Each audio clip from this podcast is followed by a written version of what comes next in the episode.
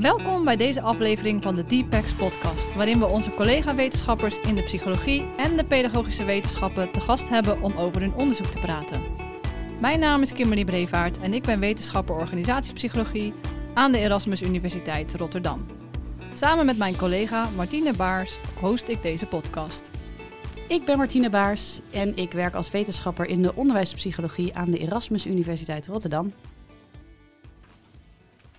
Welkom bij weer een nieuwe aflevering van de Deepex podcast. In deze aflevering is Maartje Luik bij ons te gast. Maartje is hoogleraar pedagogiek aan de Erasmus Universiteit Rotterdam, waar ze ook onderzoeksdirecteur is voor pedagogiek. Haar onderzoek gaat over opvoeden, ouderschap en hoe dat van invloed is op de ontwikkeling van kinderen. Nou Maartje, toen Martine en ik besloten om jou te benaderen, kwamen er al direct ontzettend veel vragen in ons op. Bij Martine natuurlijk als moeder van twee ontzettend leuke kinderen. Dank je. En bij mij omdat ik heel veel jonge ouders in mijn directe omgeving heb. Dus uh, ja, ik ben heel benieuwd. Welkom. Welkom. Dankjewel. Dank jullie wel. Ik kan me zo voorstellen dat jij uh, op elke verjaardag bestookt wordt met vragen over opvoeding. is dat zo? Ja, dat klopt inderdaad. ik krijg heel veel adviesvragen over, over opvoeding. Meestal over gewone dagelijkse opvoedkwesties. Slapen, eten, huilen, dristbuien in de supermarkt bijvoorbeeld. uh, maar ik hoor ook wel eens van mensen dat ze mij juist geen vraag durven te stellen. Omdat ze denken, ja, maar Maartje die weet het allemaal heel goed. Dus uh, misschien gaat ze dan wel heel erg op me letten, oh, wat ja. ik doe. Toch een beetje spannend. Um, en dat is natuurlijk precies wat het is. Pedagogiek is een wetenschap. Uh, maar ook iets waar heel veel mensen dagelijks mee te maken hebben. Dus uh, waar ja. veel mensen ook een mening over hebben. Ja. En uh, als het dan gaat over je eigen kinderen, ben jij de perfecte opvoeder, ouder? Zeker. nee, dat is natuurlijk best wel lastig. Ik weet er heel veel over, maar dat, dat zit me natuurlijk ook wel eens dwars. Ja. Um, dat je er veel over weet, maar dat je dan dus heel goed weet hoe het zou moeten. Maar dat gaat natuurlijk helemaal heel vaak helemaal niet zo als je hebt bedacht. Dus uh, nee, ik ben zeker niet de perfecte opvoeder. Nee, heb je misschien een voorbeeld uh, van uh, hoe het ook wel eens niet zo goed gaat? nou ja, vanochtend was wel een goed voorbeeld. Want ik, ik had niet gehoord dat het regende, bijvoorbeeld. ik ook niet. Nee, ja. nee. Dus nou ja, dan is het al een soort race tegen de klok altijd. Ja. En ehm, dan moet iedereen zijn tanden poetsen en zijn haren kammen. En eten, ook belangrijk. en, en de goede schoenen aan. En die andere jas en de paarse step. En dan uh, sta je helemaal klaar. En dan doe je de deur open en dan regent het. Oh, ja. ja. Dus dan ben ik niet per se de beste opvoeder, denk ik. um, ja, en, en ze waren ook allemaal te laat. Vandaag. Oh ja. Dus ja, het mag natuurlijk ook gewoon niet regenen tussen kwart over acht en kwart voor negen. Dat is niet eerlijk. ik weet dat jij hier nog heel gezellig uh, tegenover ons zit, uh, ondanks de moeilijke opstart vanochtend. maar dus over opvoeden.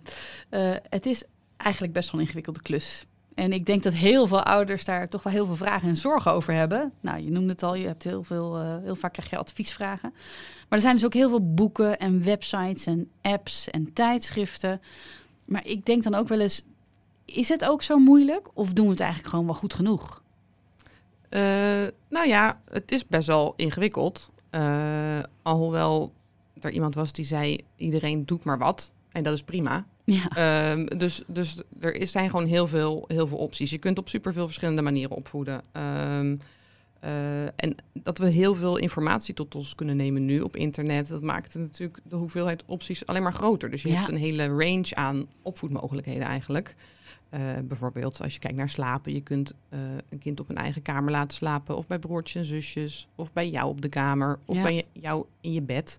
Dat is allemaal niet verkeerd of slecht.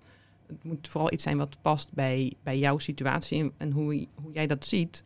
Ehm, ja, dat geldt niet alleen voor slaap, maar ook voor alle andere opvoedthema's. Ehm, dus dat is eigenlijk heel fijn, want dan kun je gewoon met een gerust hart bedenken van, eh, nou, ik doe het op de manier die bij mij past.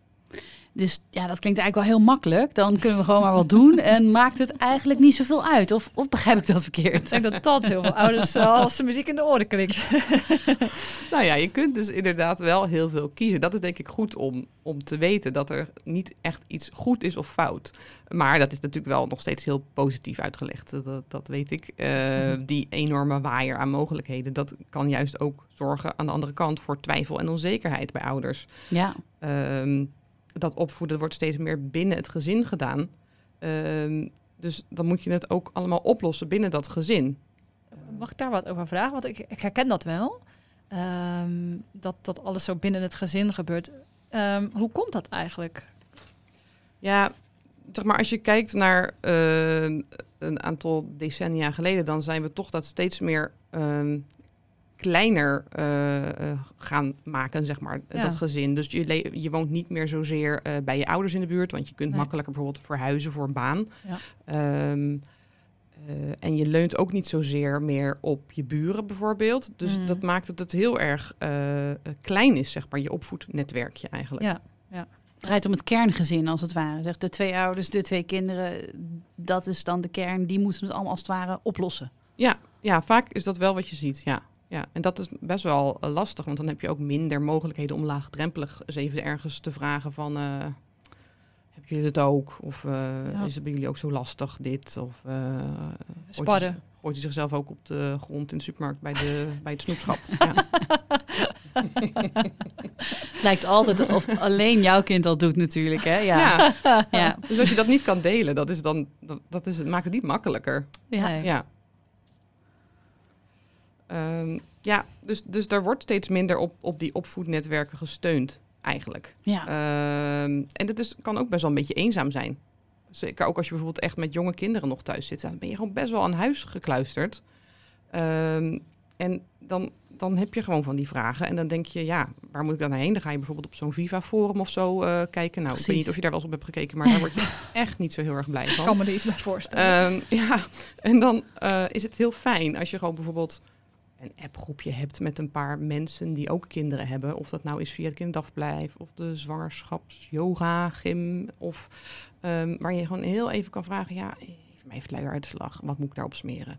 Of, Ja. ehm, Toch dat netwerk eigenlijk dan maken, gebruiken. ja, Wat laagdrempeliger dan dat je direct in een boek moet kijken. ja, precies, precies. Ehm, niet dat dat netwerk altijd meteen het juiste antwoord heeft, maar dat is toch even dat je ook wat meer kunt delen van, Ja. hé, hey, ja, dat heb ik ook, weet je wel. Wij, we- ons lukt het ook niet om eh, gezellig aan tafel te eten met z'n allen. Oh, oké, dat lukt jullie ook niet. Precies. Beetje herkenning. Ja, Ja, en dat ja. is niet in een boek vaak. Nee. nee. Nee, in het boek staat natuurlijk dat ideaalplaatje, ideaalplaatje beschreven. Waardoor je dan denkt, nou, dat, dat doe ik niet. Dat zal dan wel niet goed genoeg zijn.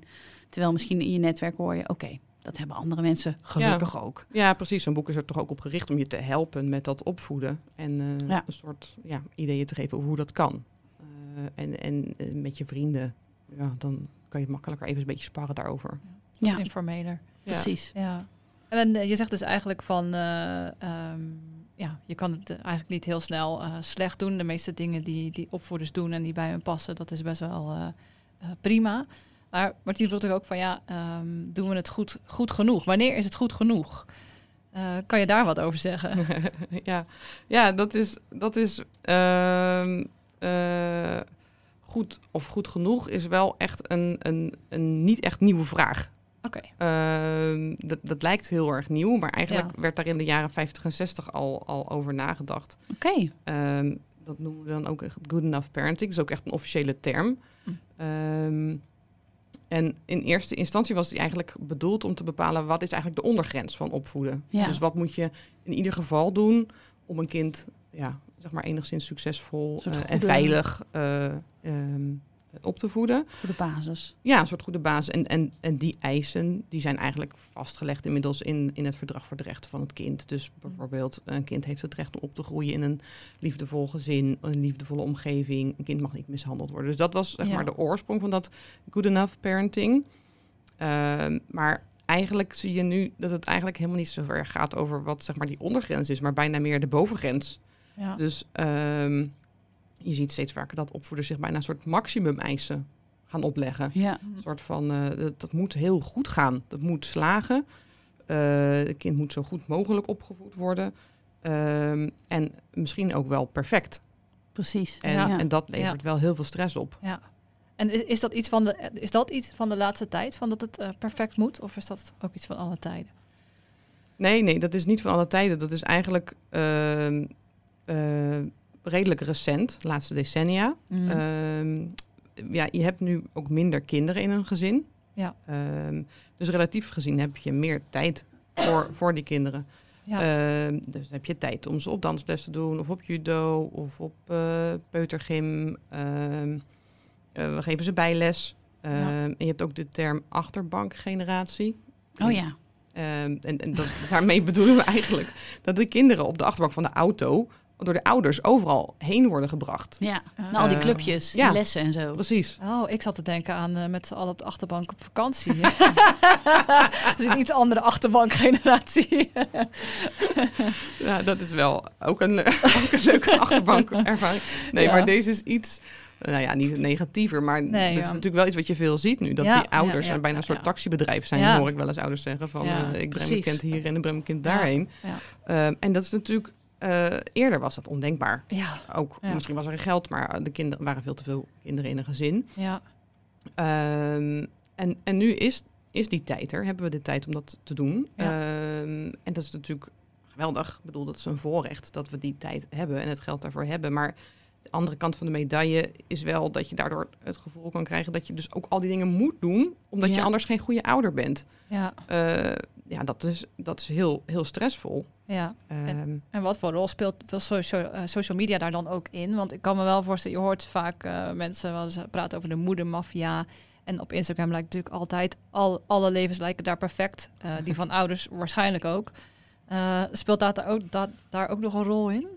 Ja, ja, ja zeker. Ehm, eh, je hebt zelfs ook de Instamoms bijvoorbeeld. Die Oh ja. dus echt heel erg dan zo leuke plaatjes van hun kinderen bijvoorbeeld. Perfecte eh, kinderen. Ja, dat zijn Ja. een soort perfecte kinderen. Ja. Maar, maar dat je je constant kunt vergelijken met die, met die perfecte ouders of die perfecte dat Ja. helpt natuurlijk helemaal niet. Ehm, want dan Nee. zit je weer zo van, oh ja, dat kan dus blijkbaar wel. Ja. Ja. Ja. Maar mij lukt het niet. Maar mij lukt het Ja. niet. Ja. Ehm, ja. Dus, eh, en er is zelfs ook onderzoek naar gedaan dat inderdaad ook voor onder jonge, jonge ouders, dat dat constant te vergelijken op de, op, de, op de socials, ja, dat roept ook veel negatieve emoties op bij ouders. Ja. ja, dat kan ik me heel goed voorstellen. Ja. Ja. het is wel fascinerend eigenlijk. Dus de, de, de drang of de, de wens om het perfect te doen, om die bovengrens eigenlijk op te zoeken, zorgt er eigenlijk voor dat we ook gefrustreerd raken als ouders. Omdat we zien, oh, ik, ik kan dat dus niet, of ik, ik red dat niet, of het ziet er bij mij niet zo uit als op die Instagram-account. Nee, klopt. Ja. Ja, dat is heel stressvol. En, en ik spreek dan dus veel ouders en die zeggen dan bijvoorbeeld ook dingen als, ja, ik moet echt af van dat idee dat ik iedere dag een perfecte baby moet presenteren aan de visite. Ja. Of eh, ja, ik zou gewoon willen dat er elke dag iemand even tegen me zei, je doet het goed. Dus Ja, ja, Zeggen we dat, zijn ook wel- te weinig? Want als ik, als ik denk aan de ouders mijn omgeving, ik vind dat ze het allemaal supergoed doen. Ik bewonder echt hoe ze het allemaal gedaan krijgen. Zeker als ik hè, mijn leven zonder kinderen bekijk, dan denk ik, ze hebben ongeveer hetzelfde leven met kinderen. Hoe doen ze het allemaal? Maar heel vaak tegen, dat tegen ze zeggen, doe ik eigenlijk ook niet. Is misschien ook wel een beetje Nederlands dat we dat niet echt gewend zijn om, eh, om elkaar te complimenteren. Maar Ja, da- dat zou super mooi zijn, want eh, eh, we spreken dus sowieso weinig over onze twijfels in de opvoeding. Daar hadden we het net al even over. Ja, Ja. ja. En elkaar complimenten geven is helemaal eh, iets wat je eigenlijk niet doet. nee, dat het zo makkelijk is Ja, eigenlijk. het hè? het is heel ongebruikelijk. Ja. Ehm, terwijl als je zou nadenken over wat zou bijvoorbeeld kun- ouders kunnen helpen, dus bijvoorbeeld een bepaalde interventie, zou je ook kunnen denken, gaan we juist richten op de dingen die al goed gaan?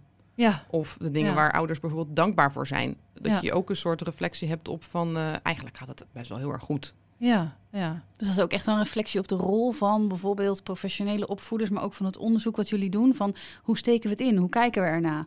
Ja. En, en kijken we dan naar problemen of kijken we naar successen? Ja. Dat hoor ik je ook zeggen, dat Ja. dat misschien een, Ja. een interessante perspectiefwisseling kan zijn. Ja, ik zou dat heel mooi vinden als we dat, als we dat zouden kunnen, eh, dat zouden kunnen doen, meer die kant op gaan. Ja, ja. ja. interessant. Ja. ja. Ja, dus eigenlijk in een streven om het heel goed te willen doen, eh, levert dat misschien vaak wel het tegenovergestelde effect op. Namelijk dat je altijd het gevoel hebt dat je het niet goed genoeg doet. Ja. Ja. Ja, dus dat is heel raar. Dus je denkt perfect is het beste wat er is. Maar eigenlijk bij opvoeden, en misschien wel bij een heleboel andere dingen ook, Hm. maar is Ja. perfect eigenlijk niet het beste. Goed is goed genoeg. Ja, Ja, dat mooi. vind ik een mooie boodschap. Goed is goed genoeg. Ja. Nou, laten we dan even naar een ander eh, ja, interessant thema, denk ik, eh, gaan waar ouders veel, eh, ja, misschien wel vaak tegenaan lopen. Zeker. Denk ik zo, als ik het om me heen hoor. Ik zeg niks. Ouders en hun, en hun kinderen, denk ik. Namelijk over slaap. Ja, ik denk dat je daar ontzettend veel over kan zeggen. Maar jij kijkt in je onderzoek naar slaap en de ontwikkeling van het kind. Ja, veel ouders ervaren slaapproblemen als een groot probleem in de opvoeding. Eh, en we zijn dan ook heel erg benieuwd wat eh, jij op basis van jouw onderzoek nu adviseert wanneer het gaat om slaap. Ehm, maar eerst wil ik eigenlijk wel weten, hoe onderzoek je dat nu precies? Slaap Ja, bij kinderen. ja. Eh, nou, je zegt het eigenlijk heel goed. Eh, ouders ervaren slaapproblemen van hun kind als een groot probleem. De vraag is ook of, of het daadwerkelijk een probleem is. Maar dat het super zwaar is dat je er s'nachts uit moet. Zeker als je gewoon moet werken of naar school moet of voor de kinderen moet zorgen de volgende dag. Ja, dat is gewoon echt Pittig. Pittig. Ja, pittig vind ik bijna nog, Nog een mild. understatement. Ja. Ja. ik, zie zeg, het aan op je. sommige ochtenden zeg ik wel eens... slaapdeprivatie is een martelmethode. Ja, nou ja, het is waar. waar. Ja. Ja. Ja. Eh, Lekker ernstig. maar de vraag is dus wel een beetje of het daadwerkelijk een slaapprobleem is wat die kinderen hebben. Ja. Ja. Ehm, wel, Ik vroeg bijvoorbeeld in een, in een eerder onderzoek aan de 150 ouders van... ehm, kun je aangeven wanneer je denkt dat een gemiddeld kind s'nachts doorslaapt? Ehm, Hmm. En hun antwoorden varieerden echt van twee maanden tot twee jaar. Oh, Nou, wauw. Dus Ja. dat is echt een hele grote range. En op zich Ja. klopt het ook. Ehm, en gemiddeld slapen kinderen door wanneer ze, tot, wanneer ze zeg maar tussen de 9 en de 12 maanden eh, oud zijn. Dus gemiddeld hebben die ouders gelijk. Ja. Maar voor die ouder die, die zei van, nou ja, ik denk dat een kind met twee maanden doorslaapt. Dat is wel een beetje een bittere pil als dan Ja, dat kind als het niet zo pas bij negen maanden doorslaapt. Terwijl Ja. dat eigenlijk dus normaal, gewoon de normale ontwikkeling is. Het Ja. past gewoon Dus binnen het is geen normaal. probleem. Nee, Nee. nee. Maar alsnog niet minder zwaar. Nee. Precies, nee, voor die ouders is Ja. dat op dat moment Ja. een tegenvaller. Natuurlijk, ja. Dus ja, dus er is ook gewoon, denk ik, ja, misschien weten ouders ook niet altijd wat de normale ontwikkeling is. Nee. Dus dat zou denk ik ook al veel mensen helpen. Dat je dus weet dat er echt heel veel variatie is Ja. tussen kinderen. En dat dat eh, gewoon ja, hoort bij hoe een kind zich ontwikkelt. Ja. En de een slaapt met, toevallig met zes Ja. weken door en de andere Ja. dus veel later. Ja. Dus dan ga je er niet vanuit dat een kind met twee maanden doorslaat. Maar dan hoop je dat een kind met Ja. twee maanden al doorslaat. dus je moet eigenlijk meer erover weten, meer erover leren. Of misschien, als ik terugdenk aan, aan jouw vorige uitleg, zou het helpen als je in je netwerk meerdere mensen hebt die zeggen: Oh, maar bij ons sliepen ze ook niet tot een bepaalde leeftijd. Of oh, dat herken ik, onze tweede, derde, eerste Ja. eh, deed dat ook. Ja. Waardoor je misschien erachter komt van: Oh, ik ben niet alleen. Het is waarschijnlijk wel normaal. Ja. En dat dat al kan helpen om het te weten. ja, dat kan allebei helpen. Ik denk ook dat het fijn is als je bijvoorbeeld, ah ja, als je nog zwanger bent, dat, dat je dan bijvoorbeeld al weet van oké, dit gaat gewoon best wel lang duren. Dat eerste Ja. jaar ga ik gewoon niet goed slapen. Ja. Dat is een, ga je met een hele andere verwachting eh, eh, erin als het, als het kindje er eenmaal is, dan wanneer je denkt, eh, nou met zes weken zijn we onder pannen, kunnen we weer lekker doorslapen. Ja, En dat is door. helemaal niet zo. Ja. Ja, als je geluk hebt, zeg maar, ja. Ja. dat is waarschijnlijk de ouders die, de kinderen die met zes weken doorslapen, die hoor je ook veel. Want dat hoor je vaak, die uitzonderingen, of dat blijf je bij, dat kan natuurlijk ook nog zijn. Ja, Of dat hoor je vaker. Ja. Van, nou, die van mij sliep met zoveel weken al door. En dan denk je, oh, nou, dat kan dan toch wel. ja, of die hoort dan omdat het een soort van accomplishment is. Ja, Ja. waarschijnlijk. Ja. I did it, zeg maar. Ja, Ehm, ja. Ja, misschien dat je dat dan toeschrijft aan dat je zelf iets goed doet of zo. Ja. Hè? Dat je, en Ja. dat, dat als je dat dus niet hebt, ja, dat je als ouder misschien denkt, oh, terwijl je dan ook Ja. heel vaak kinderen hebt die dan, dan krijgen ze bijvoorbeeld een tweede kind en dan is het tegenovergestelde verhaal. Ja, dus Ja. het het is Ja, inderdaad precies. Lastig. Maar Ja. hoe onderzoek je dat nu eigenlijk? Want je zegt ook, je ouders kunnen het zelf eigenlijk niet zo goed inschatten. Want die denken misschien, nou, vanaf twee maanden moet het kunnen. En mijn kind is al vier maanden, het is Ja. een probleem. En als je dat onderzoekt, loop je ook tegen die discrepantie aan, lijkt mij. Dus hoe kom je aan goede gegevens over het probleem, het slaapproblemen bij kinderen en, eh, en hun ouders? Ja, dat is, dit kun je eigenlijk op heel veel manieren onderzoeken, slaap van jonge kinderen. Dus je kunt het aan ouders vragen met een vragenlijst. Eh, je kunt kinderen een soort eh, horloge, een soort Fitbit zeg maar, omdoen, ja. dat dan Oh ja. bewegingen eh, meet. Ehm, en, want in de nacht beweeg je minder en dan kun je met allerlei algoritmes kun je dan berekenen hoe lang iemand daadwerkelijk slaapt. Ja. Ehm, en, en allebei die manieren, dus vragenlijsten en zo'n horloge, hebben we al Mhm. gebruikt in Generation R onderzoek in, in het Erasmus MC. ik- wij, kennen het, wij kennen Generation R natuurlijk, maar voor de luisteraars die het niet kennen, wat is Generation R? Kan je dat Oh ja. kort Ja, zeker. Dat is een, een heel grootschalig eh, eh, onderzoek. De kinderen zijn inmiddels al een jaar of 17, maar eh, die zijn gevolgd al vanaf het moment dat de moeders zwanger waren. Dus ehm, kinderen worden echt over langere tijd gevolgd. En dat zijn, er zijn toen we zijn gestart 10.000 eh, zwangere vrouwen ongeveer geïncludeerd. Dus het is ook echt een hele grote, re- mooie representatie van de, de Rotterdamse bevolking, Ja. de, de jongeren. Ehm, en daar doen we allerlei soorten onderzoek. Dus dit is een heel klein onderdeeltje, maar het is echt super breed. De hele ontwikkeling, eh, eh, fysiek en mentaal, wordt helemaal Mhm. in kaart gebracht. Dus dat is een Dus, mooie, mooie dataset Ja. om, eh, om onderzoek te doen. Ja, is prachtig. Ja. Ja. Ja, zeker. Ja. Ja. Ja, mooi om, om dat, eh, om dat eh, te horen, dat er eh, zo goed onderzoek gedaan eh, kan worden. Het lijkt me ook juist heel erg belangrijk, omdat je over de tijd heen eh, zo ontzettend veel ziet gebeuren. En dan bedoel ik niet per se de kinderen die nu 17 jaar zijn, maar misschien meer onze ouders en onze grootouders. En dan moet ik eraan denken dat je dan natuurlijk verhalen hebt van opa's en oma's of van ouders die zeggen: Ach, dat slapen of ach, dat huilen in de supermarkt.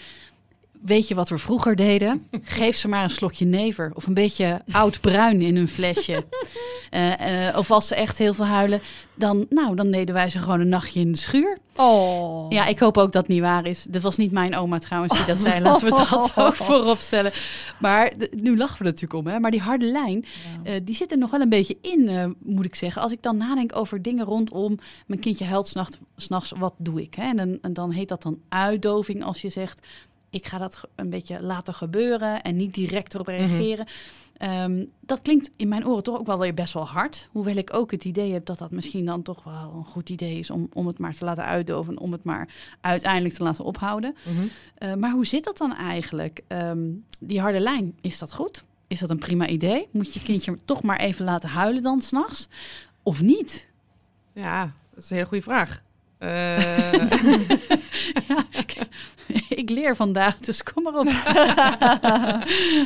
nou, kan dit- ik het vanavond al toepassen? Ja, Eh, nou ja, in, hier specifiek over bestaan dus richtlijnen in Nederland. Eh, in Nederland bestaan sowieso heel veel richtlijnen, maar zeker om allerlei onderwerpen rondom opgroeien en opvoeden. Ja, Ehm, en ehm, die zijn opgesteld door zorgprofessionals. ehm, bijvoorbeeld om te gebruiken bij ehm, vragen van ouders als, als bijvoorbeeld bij het consultatiebureau komen of bij het Centrum voor Jeugd en Gezin. Ehm, zodat ja, in Nederland zeg maar ongeveer dezelfde richtlijnen worden gebruikt om ouders te helpen bij, bij het opvoeden. En die worden dan opgesteld door professionals. Maar, eh, en ook voor slaapproblemen is er zo'n, is er zo'n eh, richtlijn. En in die, in die richtlijn worden een aantal manieren besproken waarop je zo'n slaapprobleem kunt, kunt aanpakken. Ehm, die richtlijn heb ik even binnenste buiten gekeerd. Maar daar staan vooral heel veel manieren in die jij als de harde lijn omschrijft. Dus ja, het is eigenlijk allemaal een variatie op het thema uitdoving. ja. Dus De een laten wat- huilen. En, Ja, laten huilen. ja. Dus de een wat meer zo van laat maar huilen. Niet zet maar in de schuur. Maar Gewoon wel in zijn eigen slaapkamer. In huis. wel, Ja. wel maar dat soort van de harde lijn. En dan heb je nog varianten waarbij je dan toch af en toe wel gaat kijken om te laten weten dat je er bent. Ja. Maar toch uiteindelijk wel, kind moet het eigenlijk zelf even oplossen. Ja, Ehm, met inderdaad het idee erachter, dan op een gegeven moment is, wordt dat niet meer beloond. Ja. Ehm, en dan stopt hij daarmee. Ja. Ehm, eh, ja, daar, daar hebben we eigenlijk een alternatief voorstel voor gemaakt met de Nationale Werkgroep. Omdat we dat toch wat eh, een eenzijdige belichting vonden van hoe je met slaapproblemen om kunt gaan. Ehm, eh, ja, eh, je wilt dan, ja, als, dus, als je dus die harde lijn gebruikt, dan, dan ga je dus vanuit inderdaad van dat uitdoving. En dat je dus zegt van nou, die ouders die reageren dus niet op dat huilen of het roepen van het kind. Ja. Ehm, en dat is ook op bepaalde gebieden wel effectief. Ik bedoel, eh, de, de totale slaapduur van de baby's neemt iets toe. Maar die moeders bijvoorbeeld, die, rapporteren geen verbetering in hun eigen welzijn. ja, Ehm, en dat, dat zijn ook echt wel manieren die best wel stressvol zijn. ja. Hoort- ja, ik weet niet of je het zelf eens hebt geprobeerd. Maar Ik vind dat inderdaad heel stressvol. ja, Dan zegt mijn vriend, dit was maar twee minuten. Denk ik, ja, maakt dat nou uit? Ik vind het gewoon zielig. Hij helpt. Ik moet erheen. Ja. Ja, dus dat Ja. herken ik helemaal. Ja. Ja. ja dus, het is, dus dat is natuurlijk ook niet, niet, niet prettig. Ehm, en het, past ook niet echt bij de ideeën die we al heel lang hebben over, eh, over hechting en de Oké, gehechtheidstheorie. ja. Wat, wat zegt de gehechtheidstheorie? Nou, de gehechtheidstheorie, ja, het wordt ook wel hechting genoemd, of Mhm. gehechtheidstheorie. Eh, die gaat eigenlijk uit van dat er in het eerste levensjaar ja, een duurzame band wordt ontwikkeld tussen de opvoeder of opvoeders en het jonge kind. Ja. Ehm, eh, ja, en, en zo'n gehechtheidsrelatie hebben ze nodig, want dat, daarmee kunnen ze eh, ja, eigenlijk garanderen van ik krijg zorg van, van jou eh, en jij bent er voor mij en Ja. ik kan ervan op aan dat jij voor mij komt zorgen als ik, als ik bang ben, Ja. als ik moe Ja. ben, als ik honger ben. Ja. soort- Veiligheid. ja, een soort veiligheid, een soort basisvertrouwen. En ja. ook voor de in het latere leven, ja, het is, het is ook een soort blauwdruk van hoe je latere relaties ziet. Oké. Een soort fundament Dat waarop je heel bouwt. belangrijk. Ja, dat is Ja. heel belangrijk. Ja. Ehm, en, en dat idee daarachter is dat die band wordt opgebouwd vanuit dat vertrouwen. Ja. Dus eh, dat je weet dat iemand naar jou komt als er iets is. Ja. En dat is natuurlijk niet alleen overdag zo, maar ook s'nachts. Ja, Ja. precies. Ja, Uh, dus, dat, dus het gekke is eigenlijk dat dat hele idee van die, dat noemen we dan sensitief, eh, sensitieve zorg, dat je zeg maar ook dat die vertrouwensband eh, eh, eh, kunt opbouwen. Dat er eigenlijk heel weinig onderzoek is gedaan naar eh, sensitieve zorg en slaapproblemen eh, in de nacht. Ja, ja. We horen op de achtergrond even wat gerommel. We gaan even kijken wie er door onze podcastaflevering eh, heen praat. Maar ondertussen gaan we gewoon door.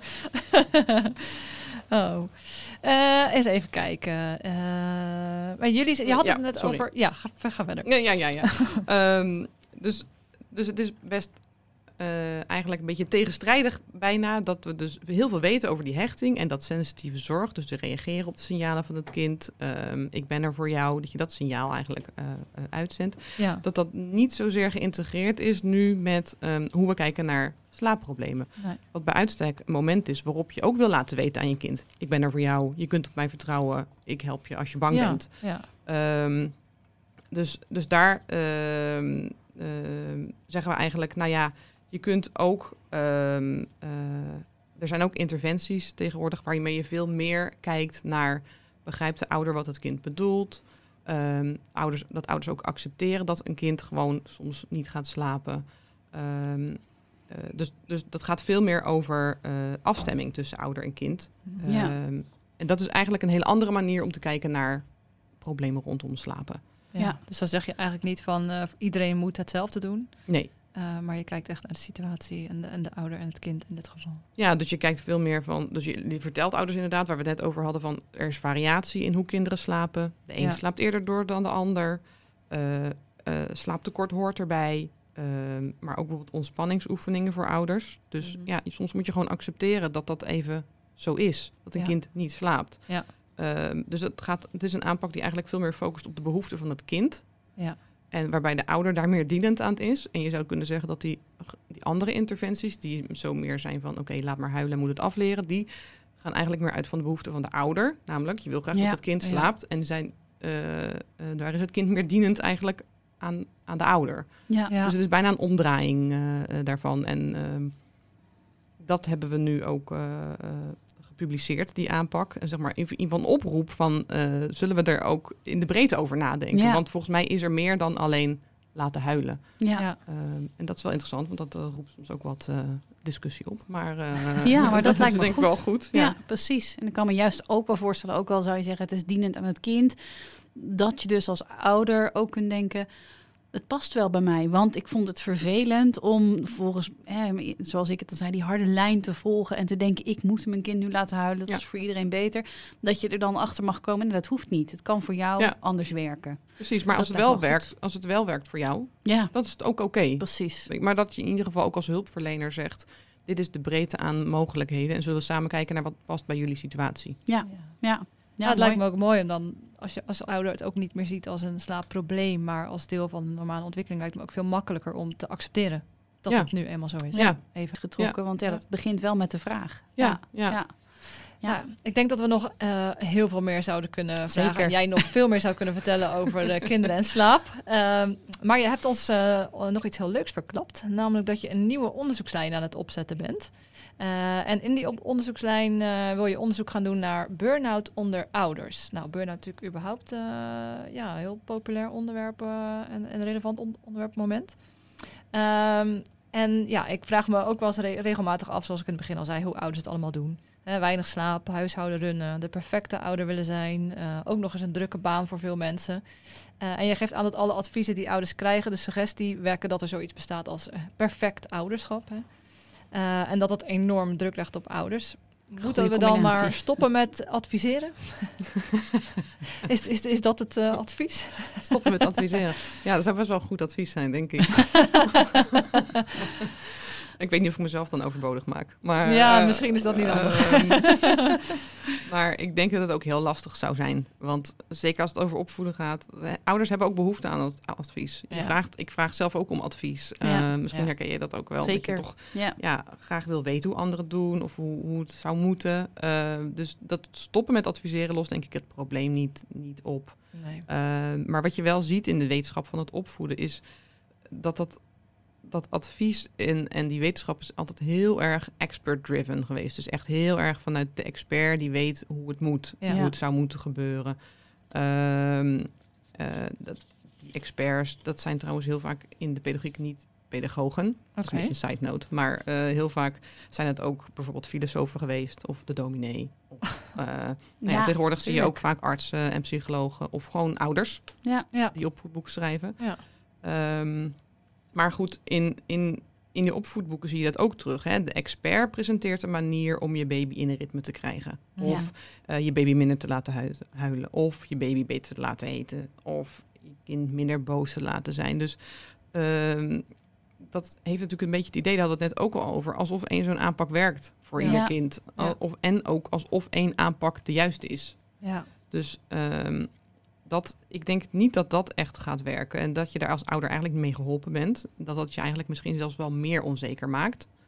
Ehm, want jouw kind doet dan helemaal niet wat er in Oei groei staat. Ja, precies. Dat is die, die, ja, die, eh, die paradox eigenlijk die we aan het begin ook hadden. Je wil het perfect. Ja. Dat gaat waarschijnlijk niet lukken. Nee. Dus denk jij, het gaat eigenlijk helemaal niet goed hier. Ja, Ja. precies. Dus, eh, en, en dan waar we het ook over hadden, kijk je dus op Instagram en dan denk je, Ja. oh, nou ja, maar het kan dus blijkbaar wel. Allemaal mooie, mooie blije kinderen, met mooie Ja. kleertjes, waar geen banaan op zit. Geeft hele Hoeveel lelijke foto's zou daarvoor eh, gemaakt zijn? Ja, dus dat, dat levert dus inderdaad die druk, heel erg die druk om aan dat perfecte plaatje eigenlijk te voldoen. ja. En inderdaad, als je dan ook nog eh, kort slaapt en je moet er vaak uit 's nachts en je probeert dat dus allemaal zelf in dat kerngezin op te lossen, eh, met, met eigenlijk niet zo makkelijk dat je dat vraagt aan iemand anders. Mm. En je hebt ook nog een baan, je Ja. hebt ook nog een relatie. Ja. Ja, dat is gewoon, dat is gewoon heel zwaar. Dus dat is helemaal niet zo gek dat, dat ouders die ballen niet allemaal in de lucht eh, Nee, zeker niet. kunnen houden. Nee. Nee. Dus, eh, dus ja, ik wil dat, dat wil ik graag onderzoeken. Van, eh, hoe gaan we ouders daarbij helpen? Ja. Ehm, Ja. En ik zou dus eigenlijk wat weg willen bewegen van dat expert-driven advies. En veel meer aan ouders willen vragen, waar hebben jullie behoefte aan? En dat is in de Ja. pedagogiek niet zo gebruikelijk nog. Dat is wel iets wat je al in veel meer vakgebieden ziet. Dus dat je echt in co-design met de ouders eigenlijk ehm, ja, samen ontwerpt van ehm, eh, wat voor informatie heb je behoefte aan, wanneer, welke vorm. Wil je bijvoorbeeld een app? Ah, ja. Juist geen app, want je zit al superveel op je telefoon. Dus Ja. je denkt, ja, eigenlijk wil ik misschien geen app op mijn telefoon. Eigenlijk om het ook minder belastend te laten zijn, als ik jou zo hoor. Dus als je dan dus advies wil, dat je het dan goed laat passen bij die ouders. Ja. Die in hun drukke bestaan.